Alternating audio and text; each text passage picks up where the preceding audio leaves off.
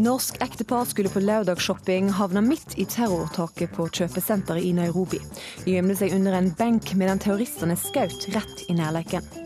Mannen som førte oss til to fotball-VM, og som ga oss Drillo-isen, måtte gå på dagen. Uverdig avgang for en legende, sukker Aslak Sira Myhre.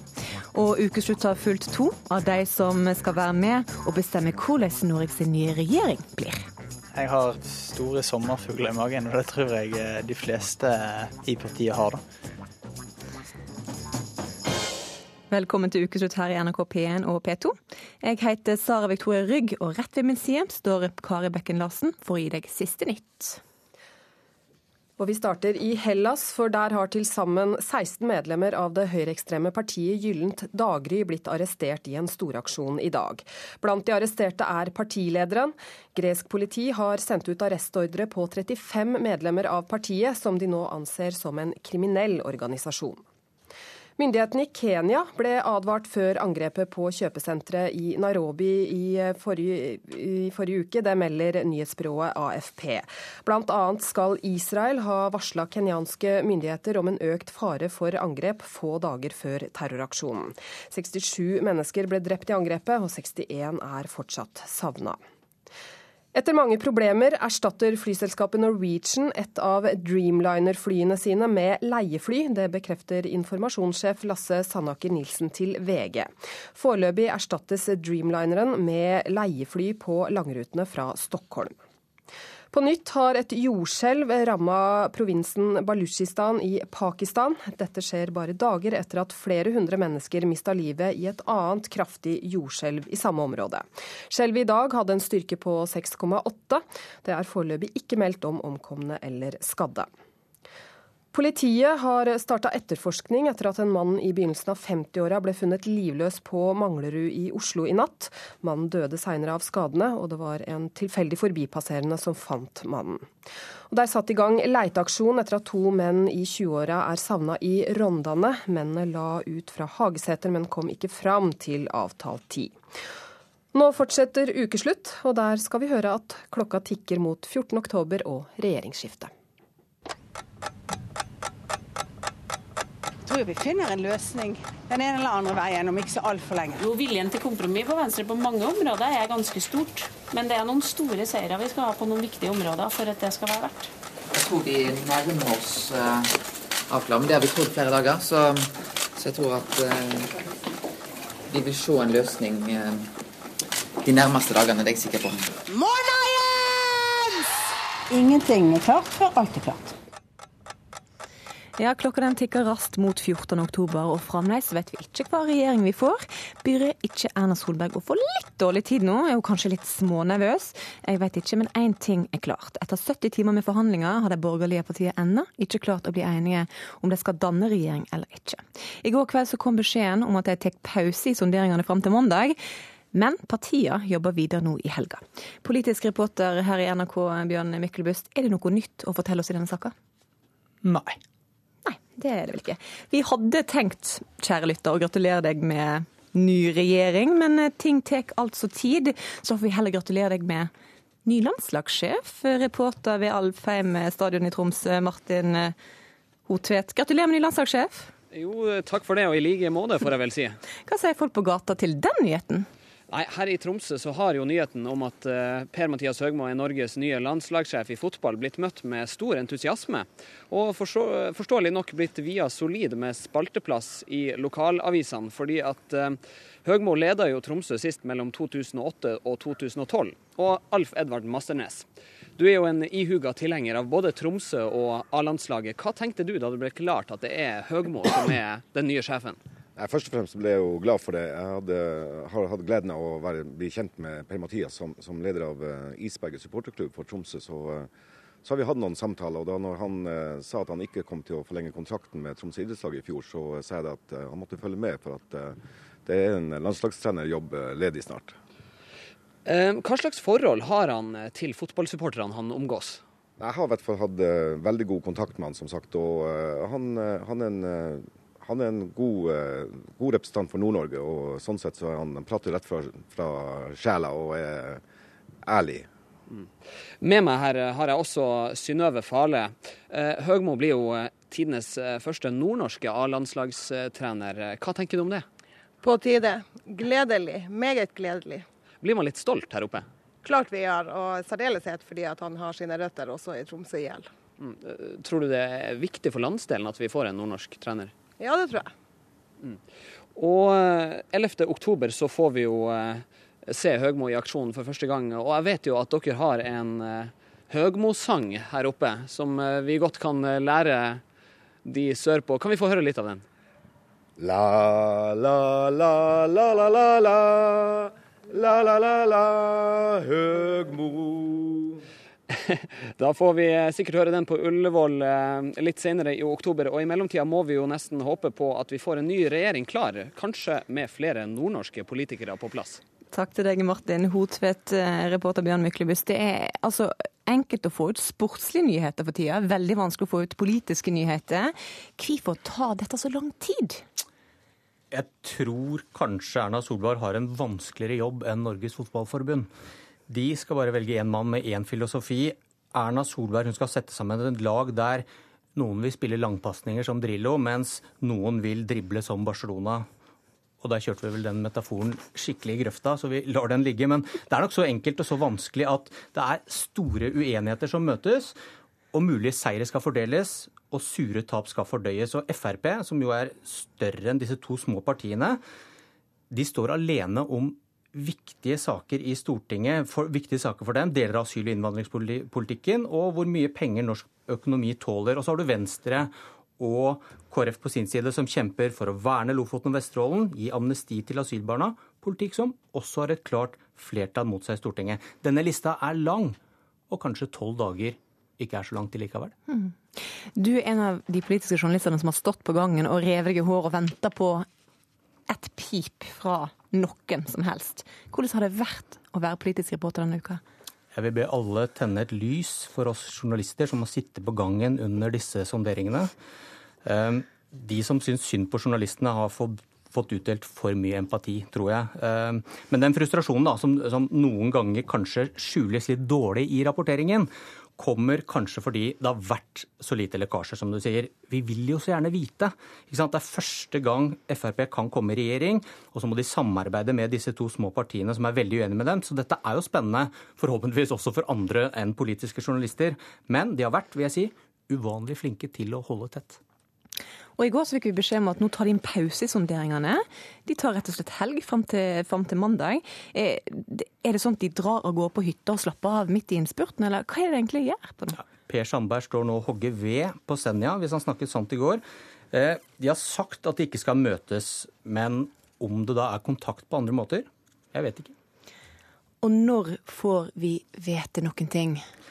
Knut Arild Hareide har sagt at svaret kommer mandag, men jeg utelukker ikke at vi må tenne lys for journalistene på mandag også. Men jeg avslutter med nok et jeg vet egentlig ikke. Ja ja, takk for uh, ingenting, da, får jeg nesten si. Reporter Bjørn Mykløst. Vær så god. Landet er nær ved å få en ny regjering. Det sa altså Erna Solberg på en pressekonferanse i går, før hun tok helg. Reporter Ida Tune Øretsland har prata med to av de som denne veka har deltatt i hemmelige lukka møter for å bestemme hvordan Norges nye regjering skal se ut. Jeg er mer spent nå enn jeg er på julaften. Eh, det er mye mer. Eh, fordi, ja, eh, jeg tror jeg kunne slått sammen ti julaftener. Nei, det er en sånn kribling i magen, og en er usikker på hva ja, hva som har kommet ut av disse samtalene, og ja, om vi skal være med i regjeringen i det hele tatt. Da. Kriblingen i magen og spenningen tilsvarende ti julaftener kommer av at Emil André Erstad skal være med på å bestemme hvordan Norges neste regjering skal se ut. Så jeg kjenner jeg, I dag har det vært litt sånn vanskelig å konsentrere seg om andre ting. Han er nestleder i KrFs ungdomsorganisasjon KrFU, sitter i partiets sentralstyre og skal komme med sitt råd til Knut Arild Hareide. Den har en sånn følelse av at den er betydningsfull. Det er liksom litt sånn eh, kanskje sånn eksamensfølelse på en måte. Liksom Kjenne i magen at eh, oi, i dag så skjer det noe viktig. I en annen, mer liberal mage kribler det også. Iselin Nybø er ny stemme på Stortinget for Venstre. Jeg må være klar på hva jeg vil, og jeg vil være klar på hva jeg, jeg mener er det beste for Venstre og for landet. Du er med på å avgjøre hvem som blir Norges Eller hvordan neste regjeringen ser ut? Ja, og når du sier det sånn så tenker jeg at å, dette blir virkelig spennende å høre hva, de har, eh, ja, hva som har skjedd i de sonderingene. Regjering, ny stortingsgruppe. Absolutt alt er nytt og spennende. Jeg kan veien til Stortinget, jeg må bare gå den samme veien hver gang. Så jeg, jeg kan ikke ha så veldig mange sånne der, uh, uvante vendinger. Da, da er det ikke sikkert det går så godt. Kommer du til sjøen på en måte, så er det jo feil vei. Da, da må du jo snu. Stasjonen er Oslo lufthavn Gardermoen er stedet KrF-erne samler seg for å diskutere de vanskelige sakene. Så skal vi av. Hvor mye bistand skal vi gi? Skal vi lete etter olje i Lofoten, Vesterålen og Senja? Og hvilken asylpolitikk skal vi ha? Det er noen av spørsmålene som kommer til å avgjøre om KrF blir på Stortinget, eller om de inntar regjeringskontorene. Det er litt spesielt. Vi skriver jo egentlig norsk historie. Det er jo egentlig det vi driver på med. Emil André vet hvor han mener KrF bør være. Likevel Jeg er åpen for å endre mitt standpunkt hvis samtalene viser seg å, å ha et annet innhold enn det en tenker. Er det noe du håper på, da? Eh, ja, men det vil jeg holde for meg sjøl. Venstre eh, står jo på veldig mange eh, områder langt fra Frp politisk. Og det er, jo, det er jo politikk dette handler om. Men det hadde vært litt gøy å være i regjering? Det er alltid et parti som Venstre vil alltid søke regjeringsmakt, fordi det er der du har hånda på rattet. Det er der du får gjennomført mesteparten av politikken din. Så selvfølgelig er regjering målet. OK, dette er første gangen gjennom porten som, eh, som stortingsrepresentant. Det er litt spesielt. Det føles litt sånn ærverdig på en måte. Ja, nå er jeg en del av nasjonalforsamlingen, og det, det er det litt sånn ærefrykt over. Er du klar? Jeg tror det. Da er du innafor porten. Nå er vi innenfor porten, så blir det løye å se om disse Securitas-vaktene slipper oss helt inn. Er du en av de nye Ja, representantene? det er jeg. Men jeg har ikke fått mitt eget kort ennå. Nei, nei, nei. Det ordnes vel etter hvert. Hallo. Det er fristende å snike seg med inn på det hemmelige møtet, men Nå må nok du vente på gangen, for nå skal vi diskutere litt eh, her inne. Så får vi heller snakkes etterpå. Så da går vi ned til det viktige møtet. heller ikke på KrFs møte er det mulig å snike seg inn. Det er masse presse som står og skal inn i møtet, som begynner nå med en gang. Spent. Ja, veldig. I tissepausen får vi en liten rapport fra Emil André. Hvordan går det? Det går bra. Nå skal jeg en liten tur på do, og så eh, fortsetter vi. Men det er ingenting å si så det, det er veldig spennende. Kan du, kan du si noe om hva du tror det kommer til å skje? Nei, jeg aner ikke det, altså. Nei, jeg kan ikke si noe. Og i Venstres pause Det er virkelig spennende, altså. Det er spennende, men det er òg litt sånn Du er jo med på en veldig viktig avgjørelse, så det er jo et visst alvor òg preget over dette.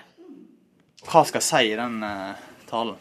Ikke, men hvordan skal vi si det? Altså, hva skal vi gjøre? Det er vanskelig òg. Det kommer jo litt an på hva som skjer i kveld. Eller om det skjer noe. Det ville gjort ting veldig mye lettere. Emil André skal skrive en tale til Hordaland KrFU, men det er ikke lett å finne ordene når du ikke kan snakke om det alle lurer på. Nei. Det er ikke det beste tidspunktet, men, eh, men sånn er det. Det går ikke an å flytte årsmøtet til eh, Hordaland KrFU. Nå er det jo som trekker i begge retninger, så det er liksom eh, vår oppgave da, å samle eh, partiet. da. Det pleier jeg å begynne med, da. Eh, kjære kristendemokrater. Eh, og det pleier å være litt sånn litt mer, mer sånn rom for å velge saker og sånt. Det er det ikke nå. Fordi hvis jeg sier f.eks. at ja, Hvis jeg vil liste opp tre saker, da, så er det veldig lett å bruke det som KrFUs tre viktigste prioriteringer. Eh, eller at det krever KrFU, eller Så jeg har vært veldig forsiktig med å nevne politiske saker. Iselin er helt klar på hva hun ønsker seg mest. Det er jo sånn, Vi har jo sagt i hele valgkampen eh, at vi ønsker oss en Høyre-KrF-Venstre-regjering. Og jeg ønsker meg fremdeles en Høyre-KrF-Venstre-regjering. Tror du det er sannsynlig, da?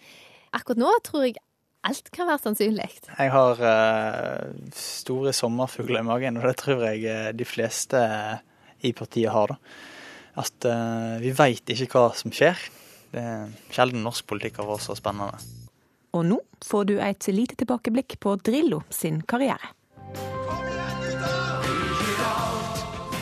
Og vi har folk foran målet, vi har avslutning! Ja! Skåring! Vi har skåret i Marseille! Vi har skåret mot Brasil! Vi har Kjetil Rekdal fra Han skårer! Norge leder 2-1!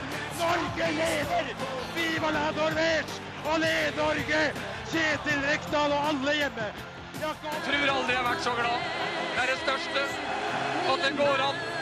Det er helt utrolig. Jeg ble overraska over tidspunktet i går.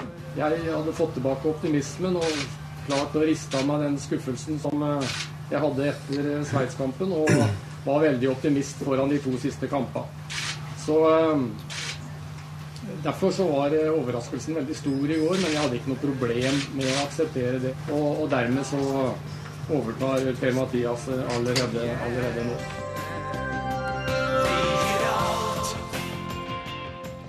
Landslaget vårt gir alt for Norge med ny landslagstrener. Per-Mathias Høgmo blir ny sjef for herrelandslaget i fotball. Og Drillo, mannen som førte oss videre til sluttspill i VM i 1998, mannen som var inspirasjonen for Drillo-isen og ikke minst grillpølsa Grillos, han måtte gå på dagen. Og det med bare to VM-kvalifiseringskamper igjen før han skulle gå av. Fotballforfatter og Drillo-entusiast Aslak Sire Myhre, dette mener du var helt hårreisende. Hvorfor det? Altså, det er ikke hårreisende at Drillo slutter som landslagssjef. Det skulle han gjøre om to kamper etter all sannsynlighet uansett. Det som er merkelig, syns jeg, det er at Fotballforbundet velger å takke av den viktigste fotballtreneren Norge har hatt noensinne, med å gi han sparken på 24 timers varsel to kamper før han skulle gå av. Det er noe veldig veldig smålig over den handlingen. Selv om det handler om at Høgmo skal få lov til å spille to kamper sånn, så er ikke, det er ikke viktig. Det er ikke viktig for Per-Mathias Høgmo at han trener de to kampene, men det er noe med at Fotballforbundet da viser en manglende evne på mange måter til, til å vil si, oppføre seg skikkelig med den aller viktigste fotballtreneren Norge har hatt, og den som har fått størst resultater for norsk landslagsfotball.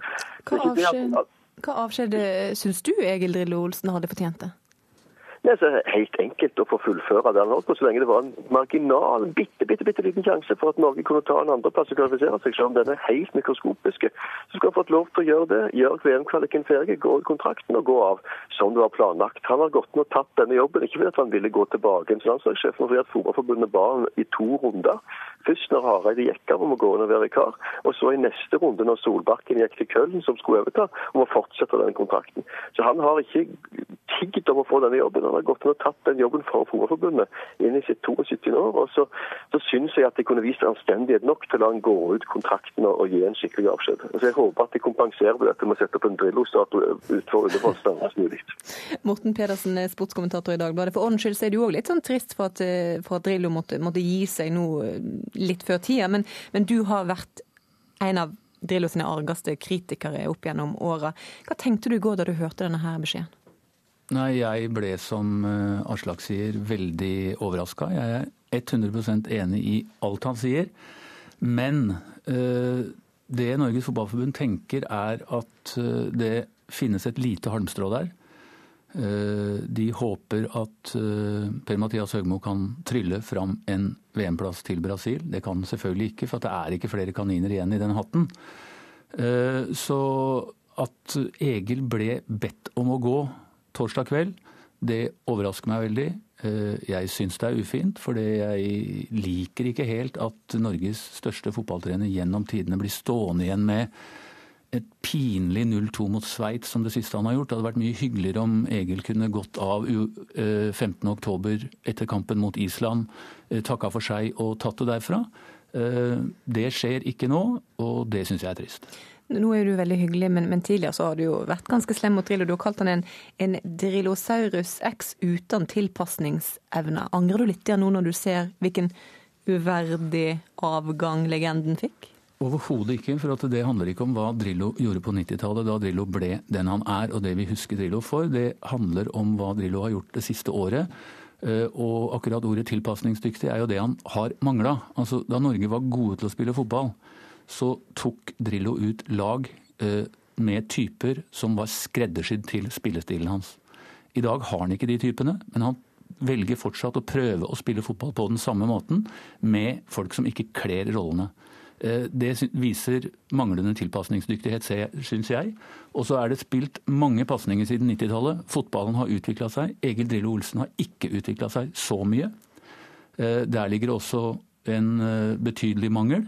Og så ser vi også at han etter hvert har ja, om ikke mistet grepet, så i hvert fall Han er ikke like bra som han var. Eh, han har aldri vært noen spesielt god coach underveis i kamper. Og Det så vi nå senest igjen mot Sveits. Så det er en del ting ved Egil Olsen som tyder på at han er 71 år. Eh, at han kanskje er litt sliten. Og at det er på tide at han slutter, men han skulle fått de to siste kampene. Aslak Sire Myhre, han har ikke utvikla seg. Det, det er mange ting å gripe fatt i. Det ene som starta med, det er at eh, Fotballforbundet ansetter da Per-Mathias Høgmo til å overta for Drillo. Og Per-Mathias Høgmo Drillo representerer den samme fotballen og den samme skolen og den samme måten å tenke fotball på. Det er jeg veldig glad for.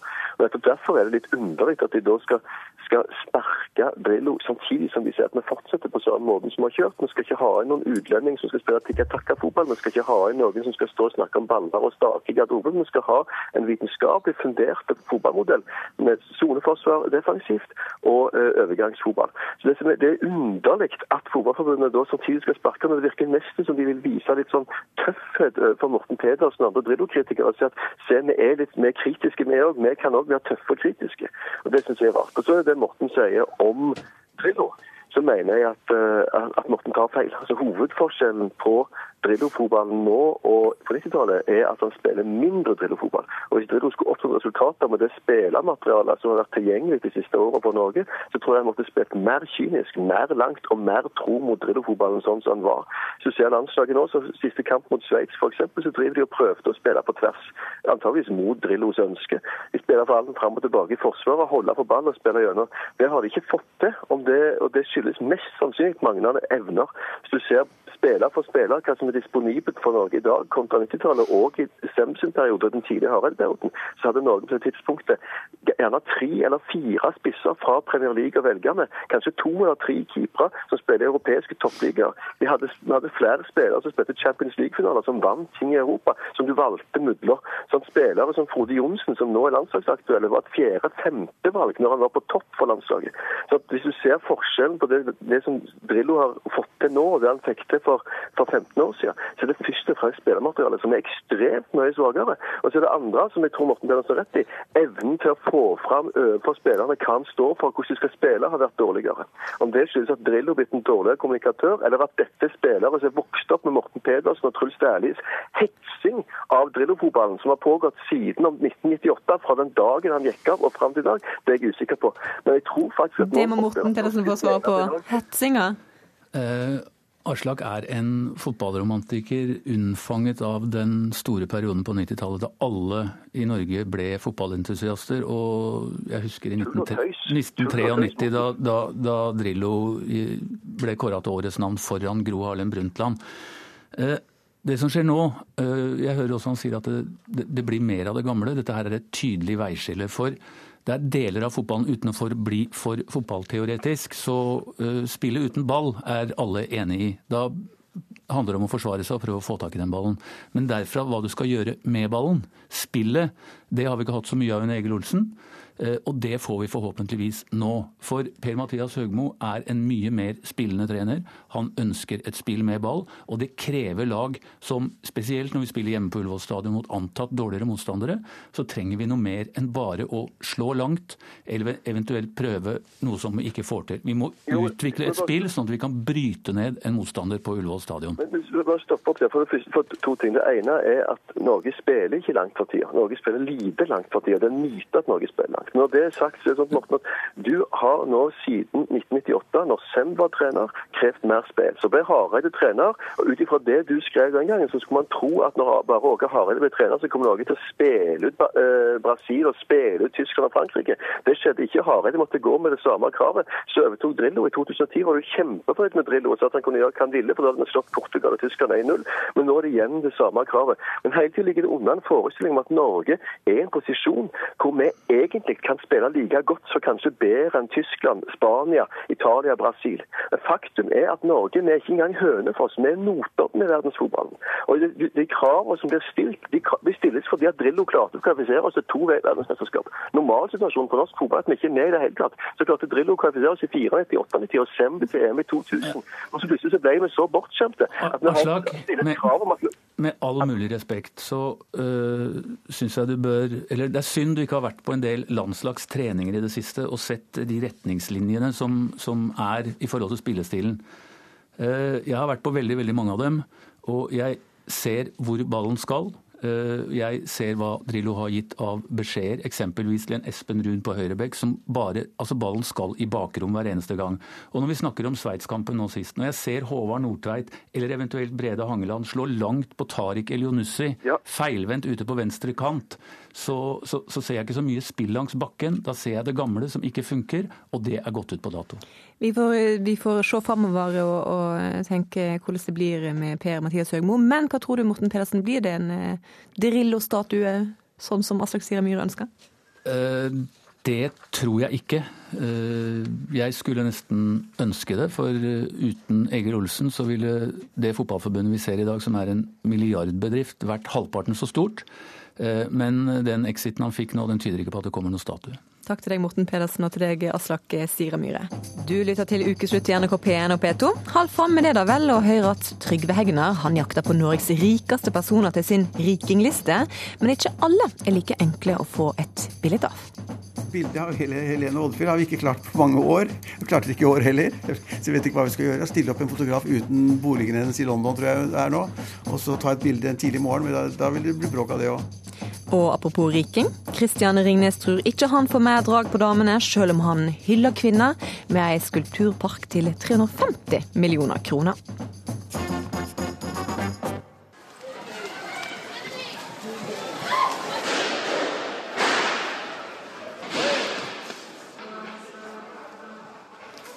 En eh, helt vanlig handletur ble til et eh, mareritt for mange i Nairobi denne veka.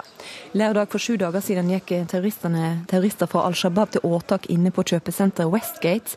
Det tok mange av de som var på shopping til gissel, og i mange dager så jobba tryggleiksstyrker med å få kontroll over situasjonen. Til nå så er det kjent at 67 sivile ble drepne, medan 60 personer fremdeles er savna etter åtaket. Det var fire eh, nordmenn inne på kjøpesenteret da terroristene gikk til åtak. Øystein og Elisabeth Iversen, dere jobber som lærer og kontormedarbeider for Norsk Luthersk eh, Misjonssamband i Nairobi. På lørdag så var dere ute på handletur på kjøpesenteret. Hva skjedde?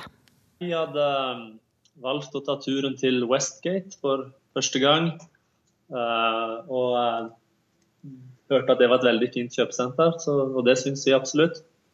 Vi eh, gikk rundt og kikka, og så eh, når vi var ferdige å kikke, så fant vi ut at vi skulle eh, gå i en butikk som heter Mr. Price Home, som er en Kid Interiør-lignende butikk. Og eh, vi skulle se på noe, noe nytt eh, servise til det huset vi bor i. Når var det dere forsto at det var noe som var gale på kjøpesenteret den dagen her? Det var på en måte en vanlig lørdag formiddag. Men så plutselig så smalt det noe ute i eh, hallen, eller ja, det store åpne rommet i midten av kjøpesenteret. Hørte vi en, eh, en, stor, en stor lyd som vi antok at var noe som var stillas eller plakat eller noe som ramla ned. Og eh, etter hvert så begynte jo folk eh, å springe mot den butikken vi var på. De eh, Jeg skjønte ikke helt hvorfor de sprang. Eh, Det var jo bare noe som hadde ramla ned, tenkte jeg. En plakat som hadde ramla ned. Men eh, så begynte de å rope at eh, 'it's an attack'. Og da skjønte vi at nå må vi komme oss unna. Og da begynte vi å høre skuddsalver òg, som ble avfyrt. Men Dere kom dere, dere sprang fra butikken, og så gjemte dere dere inne på et lager. Sammen med en god del andre mennesker. Hvordan var stemninga inne på det lageret? Dere hadde nettopp hørt skudd utenfor. Eh, I begynnelsen var det veldig hektisk, og eh, det var eh, Vi var jo inne i den butikken vi var, så vi hadde ikke flytta oss noen så veldig langt. Men det kom bl.a. noen som hadde vært på en kafé litt Eller mye nærmere der det starta. Så de var veldig opprørte og var sterkt prega. Men, men stemninga var litt sånn ja, folk var nervøse og, og, og uh, usikre og lurte på hva det var for noe, det her. De, de som kom eh, fra kafeen, de hadde sett eh, mye, mye mer enn oss. av skytinger og av eh, skada personer, og terroristene går vi ut fra.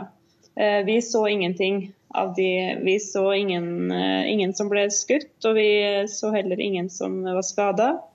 Og vi så ingen som skjøt. Dere, dere hørte um, skudd utafor um, når dere satt inne på lager. Hvordan var det å, å høre, høre da? Det var veldig eh, fremmed. Eh, og vi eh, følte det at vi, eh, vi visste aldri hvem som kom eh, Hvem nestemann var inn gjennom døra der vi satt inne på lageret. Eh, så det var Vi satt og venta i fire timer på hvem, hvem kommer nå gjennom døra, hvem er det som kommer inn nå gjennom inngangen. Skuddsalvene de kom og gikk, så det var gjerne Nå vet jeg ikke om det var noe gjennomsnittlig tid, men i hvert fall at vi var fri, for vi hørte ingen skuddsalver kanskje sånn fem minutter. Og så kom det på igjen og begynte. Og når det ikke var noe lyd, da ble, vi som satt inne ganske rolig inne på lageret. Og begynte å Det var mange som satt inne der som uh, begynte å spøke litt og tulle litt og, og ringe ut til andre. Men så begynte skytinga igjen, og da ble det fort stilt. Og folk eh, Noen tok til tårene og ble litt oppgitt. Tenkte du på noe tidspunkt at dette her, det kommer ikke til å gå?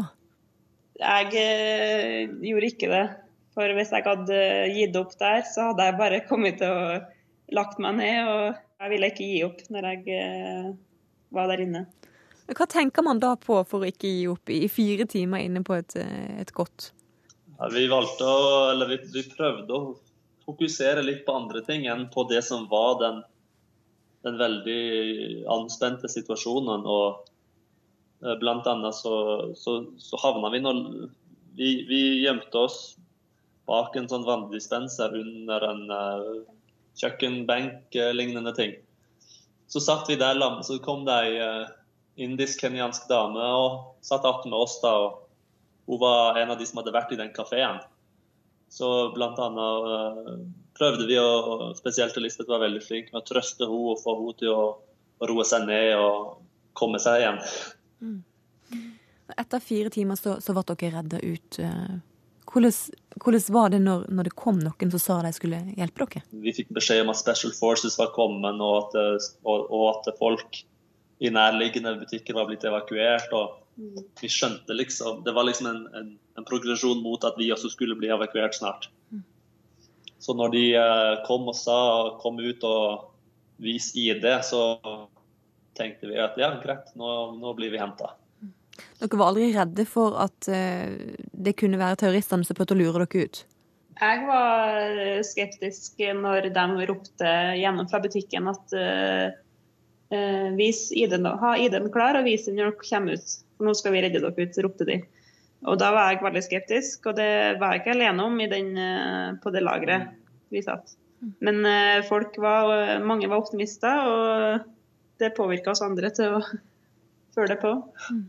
Det, det, var jo sikkerhetsstyrker som kom og, og hjalp dere ut, og dere kom dere i sikkerhet. Hvordan har det vært å følge det som har skjedd? Eh, for dette her dramaet det fortsatte jo mange dager etter at dere kom dere ut. Det har vært skremmende egentlig å se hvor alvorlig det faktisk var. Når vi eh, kom oss fra det helskinnet, så, så, og, så ser hvordan andre har opplevd det, så er det jo helt forferdelige ting de har vært med på. Så vi er veldig takknemlige for at vi slapp så billig fra det, og at vi slapp å se og høre direkte ting, liksom. Nå har det vært landesorg i, i, i flere dager. Hvordan syns dere landet takler denne her hendinga? Det vi får med oss av eh, lokale medier, er jo at de ikke vil det her eh, De vil ikke at det her skal knekke dem, på en måte. Mm. De vil stå sammen. Ja. Terrorgruppa Al Shabaab har, har, kommet med nye trusler om nye åtak på, i Kenya. På, på nettet så skriver eh, gruppa at åtaket på kjøpesenteret i Nairobi bare var starten på første akt. Er dere uroa for å fortsette å, å bo i Nairobi? Nei, det, vi, vi, vi, tenker som så at det her er en engangshendelse. Og at uh, vi Det er ikke det vi assosierer med Kenya. Selv om vi er litt mer årvåkne, så er det ikke at vi skal la de bestemme over hvordan vi skal leve her i Kenya. Takk Øystein og Elisabeth Iversen. Kvinna og det feminine står i sentrum i Christian Ringnes sitt liv om dagen, eller kanskje alltid, for alt jeg vet. Denne veka, etter tiår med planlegging, så ble hyllesten til kvinner endelig klar, i form av en park med kvinnestatuer på Ekeberg i Oslo. Men Ringnes han er ikke den eneste som hyller kvinner.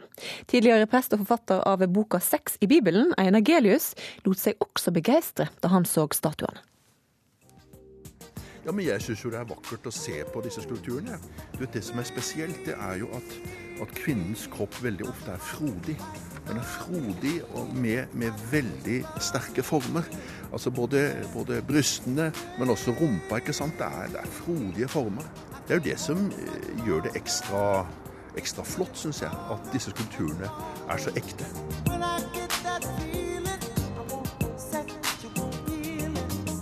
Dette er jo nesten som eh, i skapelsesberetningen i Bibelen, dette. Det var jo sånn eh, kvinnen ble skapt. Det var jo i naturen. Så dette er jo fantastisk.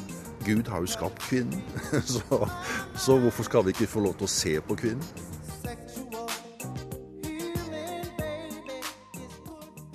Kristian Ringnes, du åpner parken din eh, denne veka, og nå har fyrverkerikruttet lagt seg og champagnerusen forhåpentligvis ut av kroppen. Dette var jo en hyllest, ment som en hyllest til kvinnen. Hva er det du vil fortelle oss kvinner med denne parken? her? Uh, ja, det var jo sånn det begynte. Uh, uh, og jeg syns jo absolutt at eh, kvinnen er verdt å hylle. nå skal det nok røpes at jeg nok hadde en litt annen mening enn akkurat det. fordi det som var mitt poeng, var at vi ville gjerne ha en klar identitet på denne parken. Og det kunne sikkert vært så mangt, men det var da det feminine. og selv i en mann finner du jo feminine egenskaper. og når du kommer opp på Ekeberg, så finner du jo eh, en åtte-ti skulpturer av den typen som Gelius beskriver. Men det store flertallet er jo figurer som ikke eh, forestiller kvinner i det hele tatt. Eh, og hvor det er andre elementer av det feminine som åpenbarer seg. Mm. Så det feminine vil du hylle, men hvorfor er du så opptatt av å hylle det? Du, jeg er jo mann. Ehm, og jeg må si at eh, jeg har dessverre måttet erkjenne opp gjennom årene at eh, kvinnen nok er et eh, rikere vesen enn mannen. Ehm, og det syns jeg på en måte at det er verdt for oss menn å ta en liten pust i bakken og innimellom tenke litt over. Så det er jo en del av det. Det aller viktigste kanskje er jo at vi har allerede en maskulin park i Oslo. Frognerparken er jo, til tross for at den inneholder mye nakne mennesker, deriblant kvinner, så er det jo en veldig maskulin park. Den er er eh, maskulint hugget, og den er maskulint formet. Det er liksom én eh, stor aksial konstruksjon eh, hvor naturen definitivt har måttet underkaste seg. På Ekeberg er det jo helt omvendt. Der er det naturen som bestemmer. Skulpturene glir inn i dette.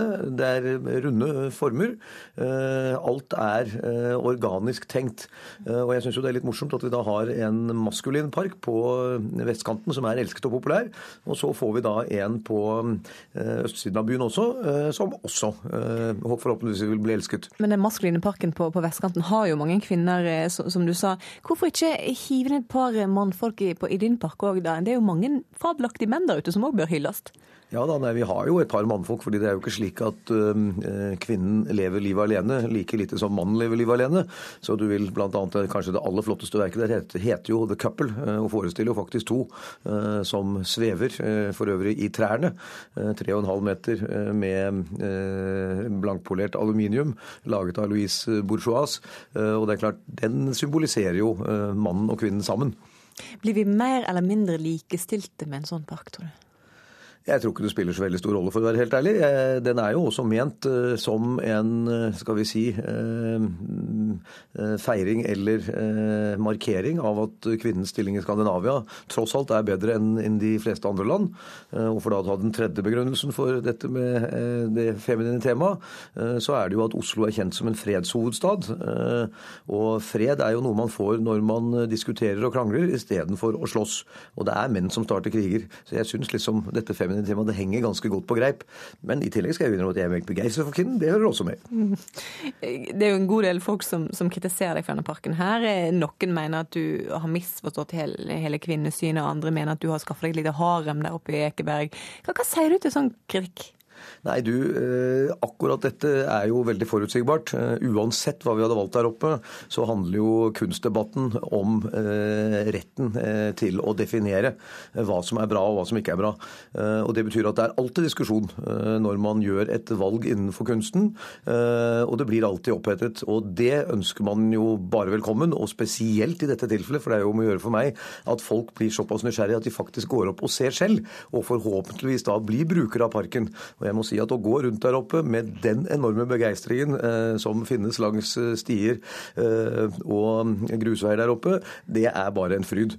Så du blir ikke litt sur da, når du har brukt 350 millioner kroner på en park, og så, og så får du masse kjeft? Nei, du, man kan jo ikke bli sur når Aftenposten sier at dette er et vigelandsanlegg av vår tid. Eh, du får en femmer i VG. Folk der oppe stopper eh, og takker deg på veien for dette fantastiske. Eh, skulle man blitt sur av det, ja da lurer jeg jammen på hvordan man ville vært skrudd sammen. er du en misforstått kvinnebedårer? Eh, jeg vet ikke om jeg er en misforstått kvinnebedårer, og jeg vet heller ikke om jeg er noen bedårer. Eh, jeg tror gjerne jeg ville vært en bedårer, eh, men det ville vel de fleste menn. Og så får vi det sånn passe godt til innimellom. Tror du at du får mer eller mindre draget på damene etter å ha åpna denne kvinneparken? Ja, jeg, igjen, jeg tror ikke det spiller all verdens uh, rolle. Um, og dessuten så vet jeg ikke om jeg er så veldig opptatt av det, for jeg syns egentlig at jeg har drag nok. Takk skal du ha. Om jeg var en rik mann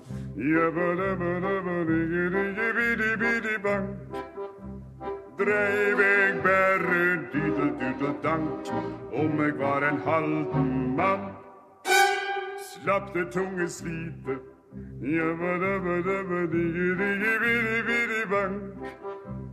Om jeg var en Norge er fullt av rikinger, det gjelder bare å finne dem.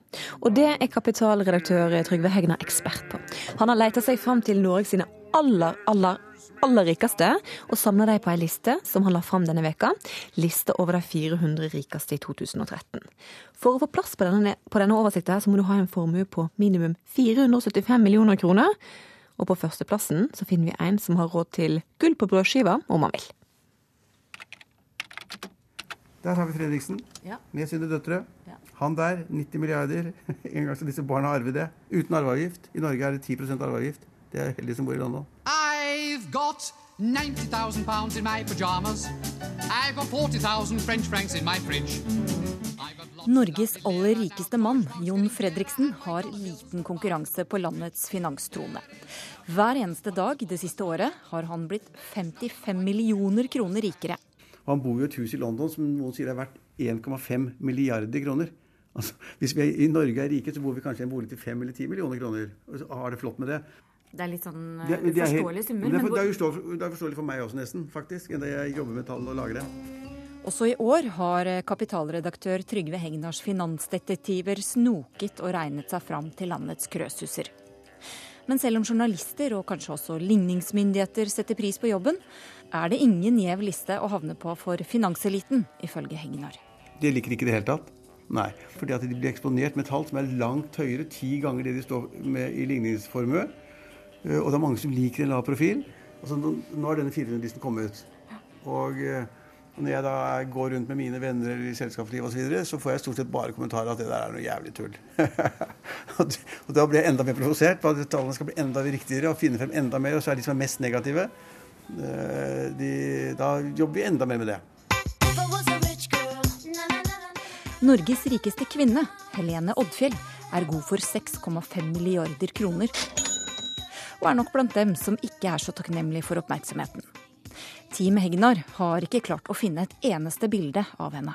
Bildet av Helene Oddfjell har vi ikke klart på mange år. Vi klarte det ikke i år heller. Så jeg vet ikke hva vi skal gjøre. Stille opp en fotograf uten boligen hennes i London, tror jeg det er nå. Og så ta et bilde en tidlig morgen. Men da, da vil det bli bråk av det òg. Ja, kunne du tenke deg å betale en paparazzi f.eks. For, for å gjøre det? Nesten, men ikke helt. Hadde hun vært Norges rikeste, så hadde hun ikke sluppet det nå. Men altså på, 18, på, plass 18 så får vi la henne leve anonymt litt til. Også Hegnar selv er på lista. Ja, jeg lurte meg unna et par år. Noen år. Hotellkonge eller matbaron. Flere av dem som topper den, har gjort seg fortjent til plassen, mener Hegnar. Altså, jeg har stor respekt for Olav Thon. At han er Norges nest rikeste person, det, fra å komme fra ingenting det, altså Jeg som person har jo kjemperespekt for det. Og jeg har kjemperespekt for Kjell Inge Røkke. Opp alle jordens funne treller, opp i som sulten knuget har. Du, hva, eh, hva skjer med deg når du ser den lista her? Nei, Først og fremst så blir jeg eh, mest eh, provosert. Tidligere Rød Ungdom-leder Mimir Kristiansson er redaktør i Manifest tidsskrift og forfatter av boka De superrike. Han er glad for lista til Hegnar, men har ikke like mye til overs for folkene på den. Jeg tenker at det ikke står mer respekt av de menneskene her enn det står av alle de menneskene som jobber for dem. Men de har jo skapt noen arbeidsplasser også? Det spørs jo hvordan du mener en arbeidsplass blir skapt. Altså, det er jo de som jobber for det, vil jeg si, som har skapt de arbeidsplassene. Sånn at, Hvor rik bør det være lov å være? altså, det bør jo helt klart være lov å tjene penger. Det skal bare være veldig, veldig vanskelig. Nei da. Men vi skal ha et uh, skattenivå i Norge som gjør det umulig å tjene hundrevis av millioner kroner på andres arbeid. Problematisk er det da kanskje at matbaronene er blant de ti rikeste på lista. Handler du på Rimi? Ja da, jeg handler på Rimi når det er den nærmeste butikken. jeg. Så jeg har, som alle andre nordmenn, kommer ikke unna å støtte de folka her med noen kroner. Men det er jo forbaska å vite at hver eneste Grandiosa jeg eh, kjøper, havner i lommene på, på de typene her. da. Det er jo eh, ja, det er ikke noe, det er ikke noe kjekt å tenke på.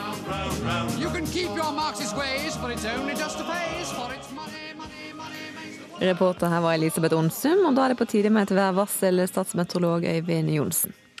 Ja, takk for det. Vi starter med litt temperaturoversikter. Litt stigende temperatur på Spitsbergen. Litt kjøligere i Finnmark. Ellers i landet stort sett uendret. Og en varsel som går fram til søndag klokken 24. Fjell i Sør-Norge. Sørlig bris, frisk bris utsatte steder. Skyet eller delvis skyet oppholdsvær. I morgen ettermiddag ventes skiftende bris, og det er da mulighet for litt regn og sludd i vestlige og nordvestlige områder, og helst da nord for Finse. Over eh, ca. 1400 meter ventes nedbøren som snø. Østland og Telemark skiftende bris, skyet eller delvis skyet oppholdsvær. Agder østlig bris, med nordøstlig øst for Oksøy. Periodevis frisk bris på kysten. Skyet eller delvis skyet, og fra i kveld spredt regn, men da vesentlig i kystområdene. Rogaland og Hordaland økning til sørøstlig frisk bris på kysten med liten kuling i nord. Oppholdsvær, men i kveld og først på dagen i morgen litt regn i ytre strøk. Sogn og Fjordane økning til sørlig stiv kuling på kysten. I morgen kveld frisk bris. Skyet oppholdsvær. Fra i kveld periode med litt regn i ytre strøk. Møre og Romsdal sørøstlig bris. Fra i kveld sørlig frisk bris på Sunnmøre og oppholdsvær. Fra i kveld også litt regn på Sunnmøre. I morgen ventes sørlig frisk bris utsatte steder med liten kuling på Sunnmøre. Om kvelden sørvestlig. Litt regn vesentlig i ytre strøk og på Sunnmøre. Trøndelag sørøstlig frisk bris utsatte steder og gradvis tilskyende. Fra i morgen ettermiddag sørvest opp i frisk bris, skyet og etter hvert regn i ytre strøk. Nordland sørøstlig bris og pent vær. Fra i morgen ettermiddag litt regn på Helgeland og Saltfjellet. Troms sørøstlig bris, i nordøstlig strøk frisk bris. Pent vær, men noe mer skyet i indre strøk. Finnmark sørøstlig bris utsatte steder opp i liten kuling. Enkelte regnbyger i øst, ellers oppholdsvær og perioder med sol. Og Nordensjøland sørøstlig bris, liten kuling utsatte steder.